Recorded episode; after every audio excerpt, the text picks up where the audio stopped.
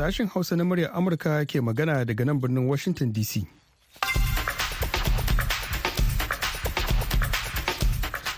Masu Assalamu alaikum da fatan an waye gari lafiya. Mahmud Lalo ne tare da Hauwa Sharif da sauran abokan aiki muke farin kasancewa tare da ku a daidai wannan lokaci da fatan kun tashi lafiya. Yau Litinin 20 ga watan Nuwamba shekarar 2023. Kafin ku ji abubuwan da muke tafi da su ga kanin labaran duniya. Cibiyar kata da ke amurka ta sanar da rasuwar uwar gidan tsohon shugaban amurka rosalind carter a gidanta da ke plains a georgia a jiya lahadi. Tana da shekaru 96 a duniya. Kafar yada labaran iran ta ruwaito a jiya lahadi cewa babban jagoran musuluncin ƙasar iran shugaba ayatollah ali khamenei ya roƙi ƙasashen musulmi da ke da wata alakar siyasa da isra'ila da su yanke wannan alakar ko da na ɗan lokaci ne. A jiya lahadi aka bayyana rasuwar shugaban wata fitacciyar kafa yada labarai a gaza da wasu 'yan jaridu biyu a ƙarshen makon nan To kanin labaran duniyar kenan. A cikin shirin har ila yau za ku ji yadda kotun ɗaukaka ƙara a Abuja ta soke zaɓen gwamnan jihar Plateau Caleb Maftuwan na jam'iyyar PDP inda ta ayyana Nintawe wadda na jam'iyyar APC a matsayin wanda ya lashe zaɓen jihar ta Plateau. Ba abin da za mu ce sai dai mu ce mun gode saboda mun bi hakoki mun karbo abin da yake na jihar plateau To tuni dai gwamnatin ta jihar Plateau ta umarci lauyoyinta su garzaya kotun koli.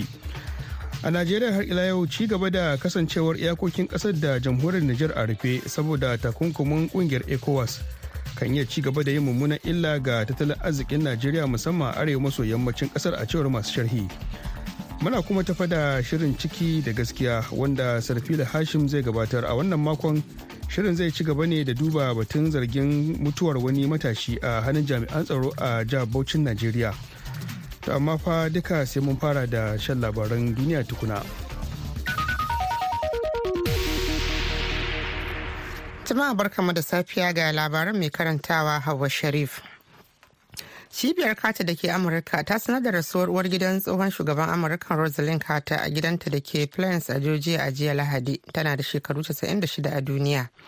Tsohon shugaban amurka jimmy carter mai shekaru 99 a duniya ya auri rosalind carter ne a shekara wato shekaru 77 da suka shige. Rosalind carter ta mutu ta bar 'ya'yanta jack da steve da jeff da amy da jikoki 11 da ta taba kunna goma sha huɗu cikin wata sanarwa da cibiyar ta kata ta fitar tsohon shugaba jimmy carter ya bayyana marigayar mai ɗakin nashi a matsayin rabin jikin shi da ta kasance jigo a dukkan nasarorin da ya samu a rayuwa. A jiya lahadi ne aka bayyana rasuwar shugaban wata fitacciyar kafa yada labarai a gaza da wasu 'yan jarida biyu a ƙarshen makon nan yayin ci gaba da yaƙin da isra'ila ke yi a yankin cewar iyalai da 'yan uwan mamatan. Baya ga wasu gwamman 'yan jaridan da yaƙin na tsawon makonni shida ya lakuma rayukansu a yankin.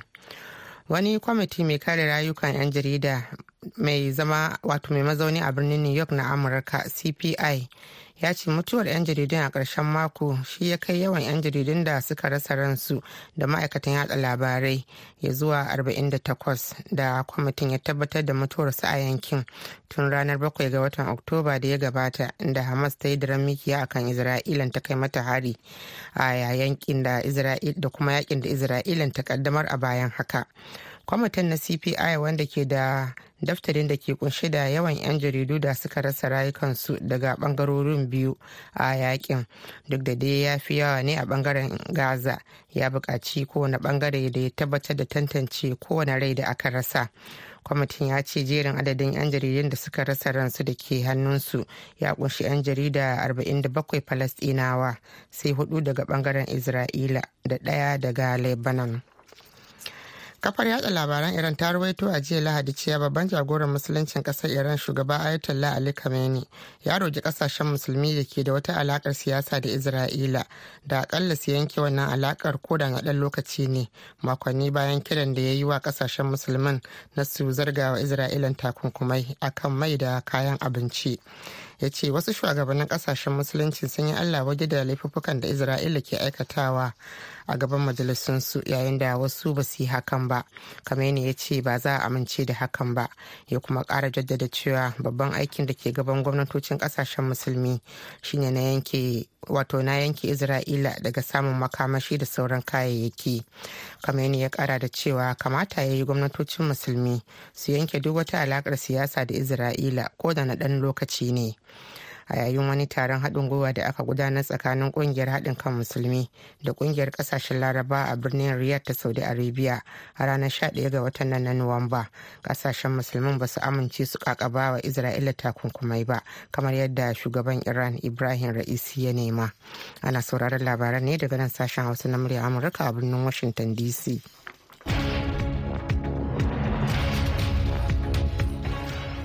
To nan ba da jimawa ba Hawa Sharif za ta kawo mana ƙarshen labaran duniyar amma kafin nan bari mu duba rahotonmu na farko.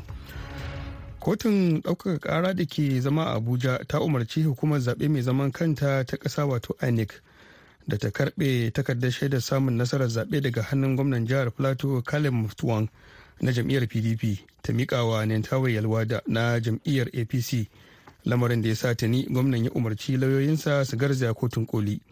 Daga jos ga rahoton da zainab babaji ta aiko mana. Kotun ta ce ta kori gwamnan na jihar plateau ne bayan ta yi nazari kan hujjojin da nenta ruwa da ya gabatar a gabanta. Tun farko dai gwamna caleb mutfang ya tsallake kotun sauraron kararrakin zaɓe a jihar plateau inda kotun ta tabbatar da shi a matsayin wanda ya ci zaɓe kafin nenta da ya ɗaukaka ƙara. Kakakin majalisar yaƙin neman zaɓe na nan tawa yilwada Shitu ba mai yi ya ce kotu ta yi daidai. Kotun ɗaukaka kara wato Court of Appeal ta duba abin da ya faru a wannan kotu na kasa tribunal kenan ba su yi ma APC da Dr. Nantawe adalci ba. Don haka suka ce wanda ya ci zaɓe wanda ya kamata a bashi certificate shine Dr. Nantawe Yilwada kuma an fama INEC a umarni cewa su karɓe su kwaci certificate nan na kala murfan su ba ma Dr. Nantawa Yalwada. To a matsayin ku na jami'ar APC ya kuka ji da wannan sakamako? Gaskiya Zainab wannan bai ba mu mamaki ba. To da yake yawanci idan aka samu irin wannan hukunci akan ɗaukaka ƙara zuwa kotun koli. Kuna da tabbacin cewa a can kotun koli ba za ku samu tangarɗa ba? Zainab yanzu ma muna so su wuce muna jiran su a wurin. Insha Allah zai mu yi nasara. Mu yi addu'a mu sa shi nan tawa addu'a mu sa Allah ya sa shi ne mafi alheri ma mutanen Plateau ga baki ɗaya.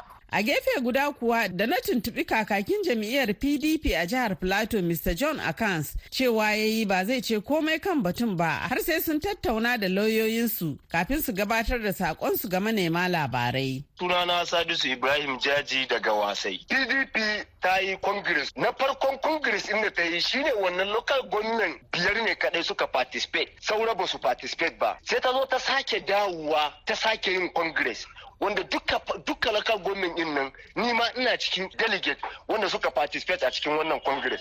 Laifi na INEC ne da bata iya reporting da kotu lallai cewa PDP ta sake yin congress ba. Shi ma Alhaji Sale Zazzaga ɗan jam'iyyar APC a jihar Filato ya ce jama'a su kwantar da hankulansu. Wannan hukunci ya yi ma al'ummar jihar Filato daɗi saboda dama abin da suke tsammani ne kotu ta yanke. Saboda ba abin da mutanen jihar Filato suke nema sai zaman lafiya. Ba abin da za mu ce sai dai mu ce mun gode saboda mun bi hakkoki mun karɓo abin da yake na jihar Filato. Duk wannan abu ana yi ne domin ci gaban jihar Plateau. A baya kotun ɗaukaka ƙarar ta kori sanatoci da 'yan majalisun tarayya da suka ci zaɓe a ƙarƙashin jam'iyyar PDP a jihar ta Plateau. Yayin da ta umarci a sake gudanar da zaɓen kujerar sanata guda da ɗan majalisar wakilai guda ɗaya.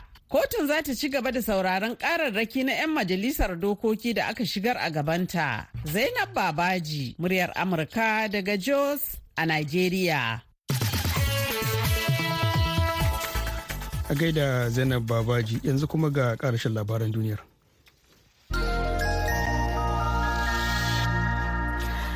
A yayin da isra'ila ke shirin kara faɗaɗa kai hare-haren soja a gaza ne maharus nasarar lamin shekaru 80 a duniya ya bayyana al'ajabin ko akwai wani wuri da zai yi saura na samun mafaka a yankin mai kama da akurki da tuni aka baje shi ya zama fili.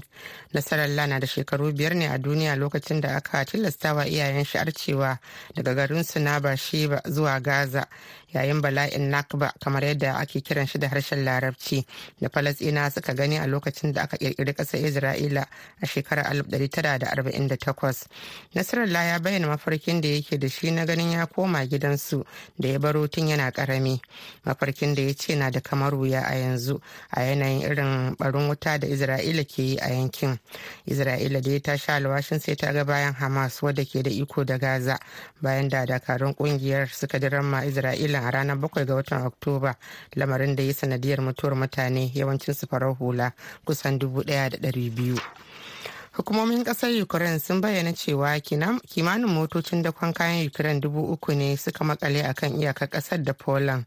Sakamakon wato datse hanyar da takwarorinsu na ƙasar poland din suka yi. A farkon watan nan ne direbobin manyan motocin ɗaukar kaya na ƙasar poland suka datse hanyoyi da ke kan iyakoki uku da ƙasar ta ukraine a matsayin bore kan abin da suka bayyana da halin ko in kula daga gwamnati na kin ɗaukar mataki kan korafinsu na yadda baki ke ƙwace musu ayyuka. Kan yi jami'an ukraine sun bayyana a makon jiya cewa kiev da warsaw sun gaza cimma wata yarjejeniya da za ta kawo ga ƙarshen boran.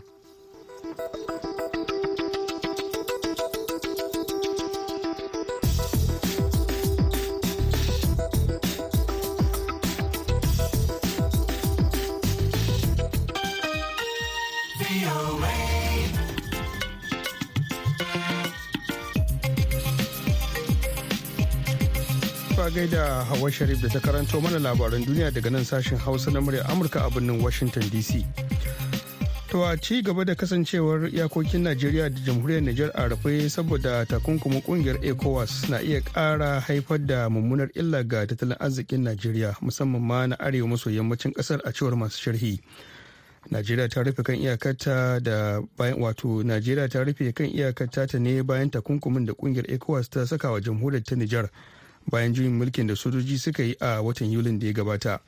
A halin yanzu akwai manyan motoci makare da kaya a wasu iyakokin ƙasashen biyu waɗanda suke rufe tun bayan da aka kakaba waɗannan takunkumi. Daga kebbi muhammad nasir ya mana da wannan rahoto. Yayin da takunkumin da ƙungiyar raya tattalin arzikin ƙasashen afirka ta yamma ta ecowas ta kakaba wa jamhuriyar niger ke ci gaba da wanzuwa. Gwamnatin najeriya har yanzu bata karɓa kiraye kirayen da 'yan kasuwa suka jima suna yi mata ba na ta duba yiwuwar buɗe iyakokinta da jamhuriyar niger saboda amfanin da ke tattare da yan hakan wajen kara haɓaka kasuwanci musamman a arewacin najeriya. Iyakar shigowa najeriya daga niger ta lolo da ke jihar kebbi a arewa maso yammacin najeriya. Ta kasance ɗaya daga cikin iyakokin da yanzu haka akwai manyan motoci makare da kaya waɗanda rufe iyakokin ya rutsa da su. Kuma har yanzu direbobi da sauran ma'aikatan motocin suna nan suna jiran tsammanin lokacin da ba su da tabbas a kansa wato lokacin da za a buɗe iyakokin su samu su wuce. Umar yusuf direban tirela ne da ya fito daga niger rufe iyakar ta rutsa da shi a iyakar ta lolo.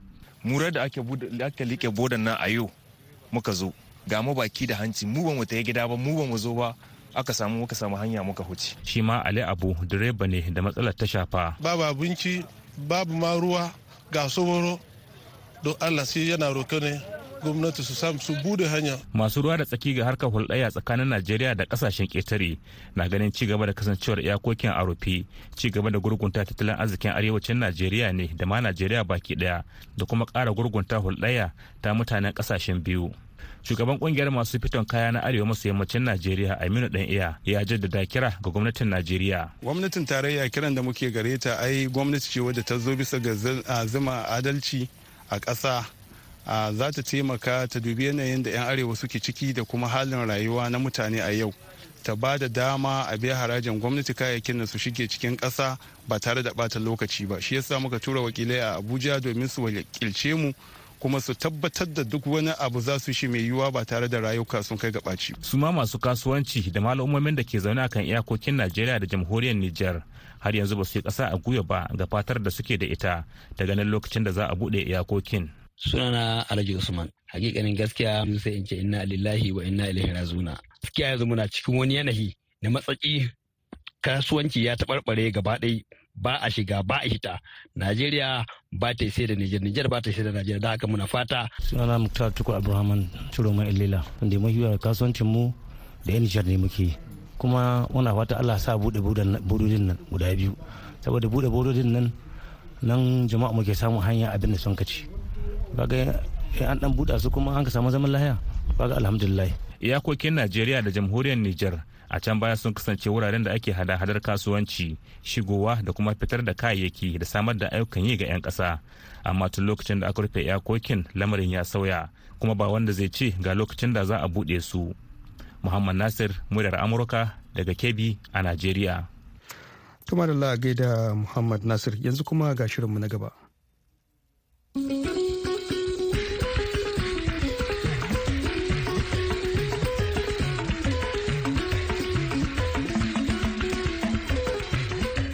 Jama'a salamu alaikum.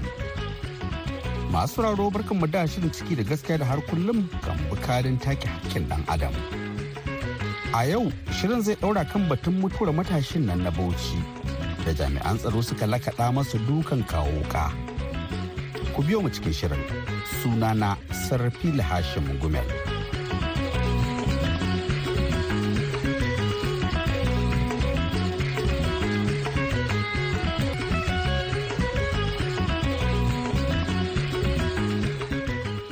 Shirin da yana bauchi don bin mutuwar matashi mai sana'ar sayar da dabbobi mai suna Abidina Aminu. Wanda idan wataƙila mai sauraro na biye da shirin da ya gabata, aka ji daga bakin wanda ya sha da kyar kuma ya tsira da kafa ɗaya a kariye tare da raunuka a jikinsa. Tun farko dai an kama wasu yara ne ƙanana masu shekaru sha huɗu bayan da wata mata mai suna Zainab Dahir mai shekaru talatin da biyar ta yi korafin an sace mata rago. Sanadiyar kama yaran ta kai ga zargin abidina da abokinsa ibrahim da sayan kayan sata. Ko a ce suna da hannu wajen satar ragon. Hakan ya sa 'yan ƙato da gora suka kama abidina da ibrahim tare da lakaɗa musu duka har suka karya ibrahim. Daga nan suka ɗauke su zuwa ofishin 'yan sanda da ke dutsen tanshi inda a can kuma a hannun dpo a wali ilu aka ci gaba da azabtar da su. Abu ɗaya da ya fallasa wannan badakala har aka fara ɗaukan batun da muhimmanci shine shigar hukumin kare haƙƙin bil'adama cikin maganar. Barista zubairu zaranda na hukumar kare haƙƙin ɗan adam ta ƙasa a bauchi ya ce za su ci gaba da bin batun kisan gillar da kuma raunata ibrahim aminu da aka yi. Suna barista zakariya zubairu zaranda ni senior legal officer ne na national human rights commission da ƙasa da ke ofis a jihar bauchi. Shi wanda ya rasu mai suna abidina aminu da wasu mutane suka taho nan ofis wanda ya zo a tuɓe a jirkice da duka raununuka a bayansa alaman duka da cikinsa haka. Duka akwai alaman duka. Da wani wurin mara kamar kona ne amma duka ne saboda yanayin fatansa duk ya kukumbura da ya zo suka zo a irin keke nan da ake cima a daidaita sahu suka tsaya a gaban ofis wanda aka kira ni aka ce ba zai iya fitowa ba. Na fito da kaina na gan shi sai na ce masa a'a gaskiya ya kamata dole mu shiga cikin ofis inda zai iya dan tallafawa ya tallafa ya aka dan ta tallafo shi ya shigo handa hannu da ɗauki hotunan raunukansa. A tambaye shi aka yi haka? Ya ce eh vigilante su suka kama su wasu suna hunters ɗan mafarauta yake faɗa. Ya ce su suka kama su wanda dole shi inviting ɗinsa ma aka yi ya je amma suka dan kama je suka dan tone su da cewa wai wasu yara masu shekara guda biyu sha uku zuwa sha huɗu sun ce su suke sayar masa da akuya wanda shi kuma ya ce mana bai ma san wa'innan yaran ba. So sun fara dan tuhumansa a nan daga wurin kuma sai aka ɗauke shi sai aka kai su cid da shi da wani wanda ake ce ma dogo wanda su hunter sun suka karya shi. Hunter su suka karya dogo kuma sun fara dukansa. To amma daga wurin sai aka ɗauke su sai zuwa cid daga cid kuma sai aka sai cid suke karɓar su. Daga nan kuma sai suka wuce suka tafi dutsen tashi police station. Da daga tafi dutsen tashi police station su sa a karɓe su. Daga nan kuma shine a yanda sai ya faɗa mana kan cewa shi dpo da wasu mai suna abdullahi da wani musa nan kuma aka suka tuɓe su tsirara.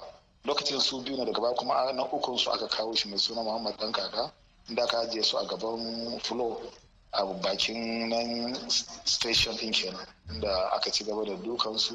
Yaushe abidin amina wanda ya rasu din ya tabbatar mana da cewa dan ya faɗa min kan cewa dpo ya daddake shi saboda ya je kotu ya ya amsa. Daga wurin ya sa bayan duk da an ba da aka sa ya sa suka dawo dan police station ne na dutsen shi inda ya ci gaba da azabtar da su. Daga baya kuma ran da zai rasu ma na je asibiti wanda aka shi asibiti. Da na gan shi an saka masa wannan oxygen din da sauransu wanda daga baya kuma kamar bayan na baro da minti talatin aka ce ya rasu. To Allah ya ji kansa ya sa ya huta. A ci gaba da binciken musabbabin mutuwarsa, barasa Sariya Sale ta ƙungiyar kare haƙƙin ɗan adam ta Bauchi ta ce sun amince a tono gawar Abidina don 'yan sanda su tabbatar da cewa raunukan da aka yi masa ne suka yi sanadiyar mutuwarsa. Sunana Sadiya Sale, ni ce Vice Chairman na Nigerian Bar Association Bauchi Chapter, sannan ni ce kuma Chairman Human Rights Committee. Muka je muka ga CP din ma da kanmu. Mun fara mun ga AC, mun ga DCP, sannan mun ga duka groups din. To daga farko da muka je sai suka ce watan su familin ba su ba su haɗin kai ba saboda ba su ɗauki statement ɗinsu ba, da baki ɗaya so ba san me ke faruwa ba ji su police ɗin kenan. Sai na ce to ai ba za su baku ba saboda suna jin tsoro ne saboda abin da ya samu yan uwansu da wanda ya rasu da kuma waɗanda suka ji rauni din to shine sai suka ce mana to da Allah yanzu mu taimake su su gaskiya babu wani abin da za su ɓoye kuma they are ready to cooperate with us. So ba wani abun ɓoye amma mu yi ƙoƙari mu kawo musu family ɗin nan. Muka ce to shikenan. Muka je muka yi magana muka je da NBA boss. Muka shiga muka ɗauko waɗanda za su iya zuwa tunda shi dogo yana fama da kafa muka ɗauko wanda za su iya zuwa da iyayen muka zo a gaban mu aka ɗauki statement saboda makar ya zamanto sun ji tsoro ko wani abu. Daga baya kuma muka je muka sake ɗaukan wasu police officers ɗin da IPO sun suka je har gidan dogo da matan shi marigayi aka ɗauki statement ɗinsu. To daga baya akwai yan prohan because abin ya fara daga yan hunters association ne prohan ɗin nan daga wajensa abin ya fara yawa to daga baya mun koma yan cid din suka ba mu haɗin kai aka kira conference ko aka kira mana yan prohan din muka yi interview su ma da su suka faɗi su ma nasu side din to daga baya muka ga commissioner of police ya ce mana lalle ya ji wannan labarin yana kuma bincike a kai. Kuma we should be rest assured cewa duk wanda ya sama shi wantin daga dpo din har prohan har duk wanda ya same su involved ba zai bar wani stone unturned ba. Ya ce to mu yi haƙuri yana bin abin ana kan bincike yana daidai wajen police din because abin da ma ya dan ba mu mamaki shine an kai su court kuma har an yi convicting din su wata an yanke musu hukunci. Kuma sannan a cikinsa shi marigayi abin da ya sa nashi ya ba mu tausayi shine shi bai ma yi admitting to cewa ya yi wannan abin ba. Har ya mutu yana kan bakan shi cewa shi bai yadda ya yi sata ba kuma bayi da confessional statement a wajen su police. Su kuma suka kala da su dogo according to them shine su a dukan da suka sha yasa suka yi confessing amma in any case a shari'a court yanda aka kai su an yi convicting har sun biya kuɗin wannan akuya ko rago din ne. So kaga ya kamata kes ya kare ai kenan. To amma daga shari'a court sai zamanto bayan an sallame su an yi convicting sun biya wa'annan kuɗaɗen sai aka sake komar da su police station according to them wajen DPO din so su haka suka faɗa cewa ba a bas sun tafi ba kaga ai ko a shari'a ne idan har aka shiga kotu aka riga da aka yi a rain ɗinka aka yi convicting ɗinka ka riga da ka biya kuɗi ko duk abin da za ka yi in prison in mai to ai shari'a ya riga da ya ƙare kenan ba za a sake komawa da kai kuma wajen police ba gaskiya. shi abidina ya mutu ne a asibiti. eh haka ne. kuna da takardan da ke baya da bayanin ga dalilin da ya sa ya mutu? Eh muna da takarda. Akwai muna da takardar da suka ba mu kuma su ma polisan sun nemi izinin cewa mu yi magana wa familin idan za a iya exhuming body din sai a yi autopsy. Ban san yadda ake kira da hausa ba yawa za a yi exhuming sai a yi autopsy a bincika su ga cause of death din according to them. Eh muka ce amma kuma gashi na su sun rubuta muna da medical reports din. Muna da death certificate muna da medical reports din da wanda suka gansu kuma a teaching hospital ne. So kaga is a reliable place ba yanda za a je a yi fabricating ba ne ko kuma wani abu. Sun ce akwai body injuries sannan kuma akwai excessive bleeding so he lost a lot of blood sannan kuma akwai bodily injuries sannan kuma akwai broken ribs da sauransu dai. Um, statement ɗinsu da yawa dai da medical terms ɗinsu ɗin. Amma akwai wanda in simple english terms that are understandable. To ku yanzu ina ne kuka tsaya akan wannan al'amari naku?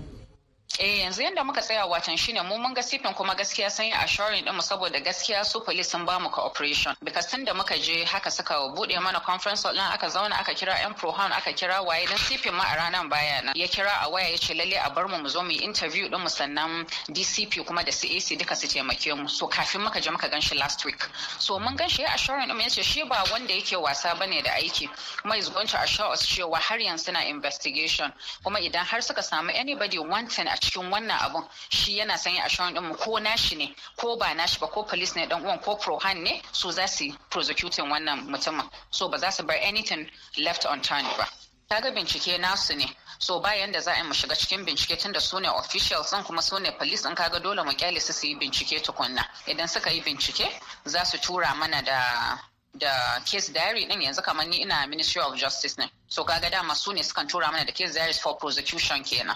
So idan suka tura mana da case diary sai mu ga a ciki su wanne ne tunda duka mu mun yi iyaka ƙoƙarin mu na bincike din. Mun kai musu mutanen da ba su zo ba mun mun nemi calmness mun ce da Allah sai haƙuri because za za su fita su yi protesting. Ana ta zage zage muka ce ai haƙuri ba haka shari'a yake da doka ba. Kada a garin haka a a karya doka. So yanzu mu muna son mu ba su nasa tunda commissioner of police din yayi assuring din mu cewa they are going to do all they can. So yanzu muna son mu gani ne at the end of investigation din su waye ne suka samu za a yi prosecuting din DPO ne da Prohan a DPO din ne shi kada ya Prohan din ne a su waye ne involved a cikin wannan duka din tunda muna da overwhelming evidence cewa lalle an yi duka da har ya leading to wannan death din.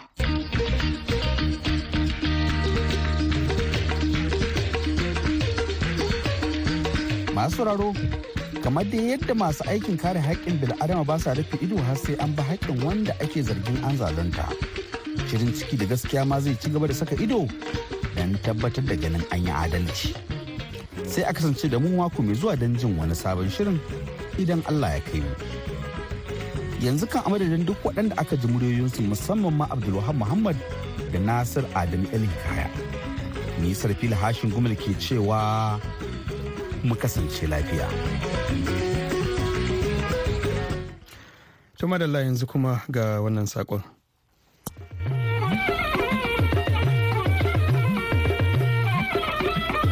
Lallai a duk lokacin da aka ji wannan sautin to ba mamaki wani waye ne ke son a ƙara ganar da shi. Masu iya magana ma sun ce shi fa matambayi baya faɓata. Don haka idan akwai wani abu da ya shige duhu ko wata fahimta mai ɗan hazo-hazo mai ɗan dishi-dishi kan batutuwa daban-daban kama daga siyasar duniya zamantakewa lafiyar jiki tsaro tarihin wasu wurare ko na wasu mutane zuwa al'amuran da suka faru a baya. Kar a yi wata-wata a aika da tambayoyi ga filin ansoshin tambayoyinku na sashen hausa na muryar amurka ta hausa service at voanews.com sannan a saurari ansa daga ƙwararru a shirinmu na daren ranar asabar. Alasa mu dace. To kafin mu karkare shirin ga labaran duniya a taƙaice. Cibiyar kata da ke amurka ta sanar da rasuwar uwar gidan tsohon shugaban amurka rosalind carter a gidanta da ke plains a georgia a jiya lahadi. Tana da shekaru 96 a duniya. Tsohon shugaban amurka jimmy carter mai shekaru 99 a duniya ya auri rosalind carter shekaru 77 da suka shige. Rosalind carter ta mutu ta bar 'ya'yanta jack chief jeff da amy da jikoki 11 da tattaba kunne goma sha huɗu a jiya lahadi ne aka bayyana rasuwar shugaban wata fitacciyar kafa yada labarai a gaza da wasu 'yan jarida biyu a ƙarshen makon nan yayin ci gaba da yaƙin da isra'ilan ke yi a yankin cewar iyalai da 'yan uwan mamatan. Baya ga wasu gwamman 'yan jarida da yaƙin na tsawon makonni shida ya lakuma rayukansu a yaƙin wani kwamiti mai kare rayuwar 'yan jarida mai mazauni a birnin new york na amurka cpi ya ce mutuwar 'yan jaridun a ƙarshen mako shi ya kai yawan 'yan jaridu da sauran ma'aikatan yada labarai da suka rasa ransu zuwa 48 da kwamitin ya tabbatar da mutuwarsu a yankin tun ranar 7 ga watan oktoba da ya gabata lokacin da hamas ta yi da ramikiya ta kai hari ga isra'ila da yaƙin da isra'ilan ta kaddamar sakamakon hakan. Kafar yada labaran iran ta rawaito a jiya lahadi cewa babban jagoran musuluncin ƙasar iran shugaba ayatollah ali khamenei ya roƙi ƙasashen musulmi da ke da wata alakar siyasa da isra'ila da akalla su yanke na dan wani lokaci. Makonni bayan kiran da ya yi wa ƙasashen musulmin na su zargawa isra'ila takunkumai akan mai da kayan abinci. Ya ce wasu shugabannin ƙasashen musulunci sun yi allah waje da laifuffukan da isra'ila ke aikatawa a gaban majalisunsu yayin da wasu ba su yi hakan ba. Kameni ya ce ba za a amince da haka ba ya kuma kara jaddada cewa babban aikin da ke gaban gwamnatocin ƙasashen musulmi shine na yanke wato na yanke isra'ila daga samun makamashi da sauran kayayyaki. Tun masu sauraro baki da abin da ya sauka kenan a shirin namu na wannan lokaci sai kuma an jima da misalin ƙarfe 8 agogon Najeriya Nijar kamar da Chadi za mu da wani sabon shirin wato ƙarfe 7 kenan agogon Ghana. Kada manta duk lokacin da ake so za a iya zuwa shafinmu na voahausa.com ko kuma sashin hausa.com domin sake sauraron wannan shirin da ba waɗanda suka gabata. Kazalika za a iya leƙawa shafukanmu na facebook x wato twitter a da da instagram da ma youtube domin samun labarai da dumudumin su yanzu kan a madadin hawa sharif da ta taya ni gabatarwa da daɗi balawai da ya haɗa mana shirin sai injiniyan mu nelson ni mahmud lalo nake cewa mu tara a shirin namu na hatsi idan allah ya kai mu.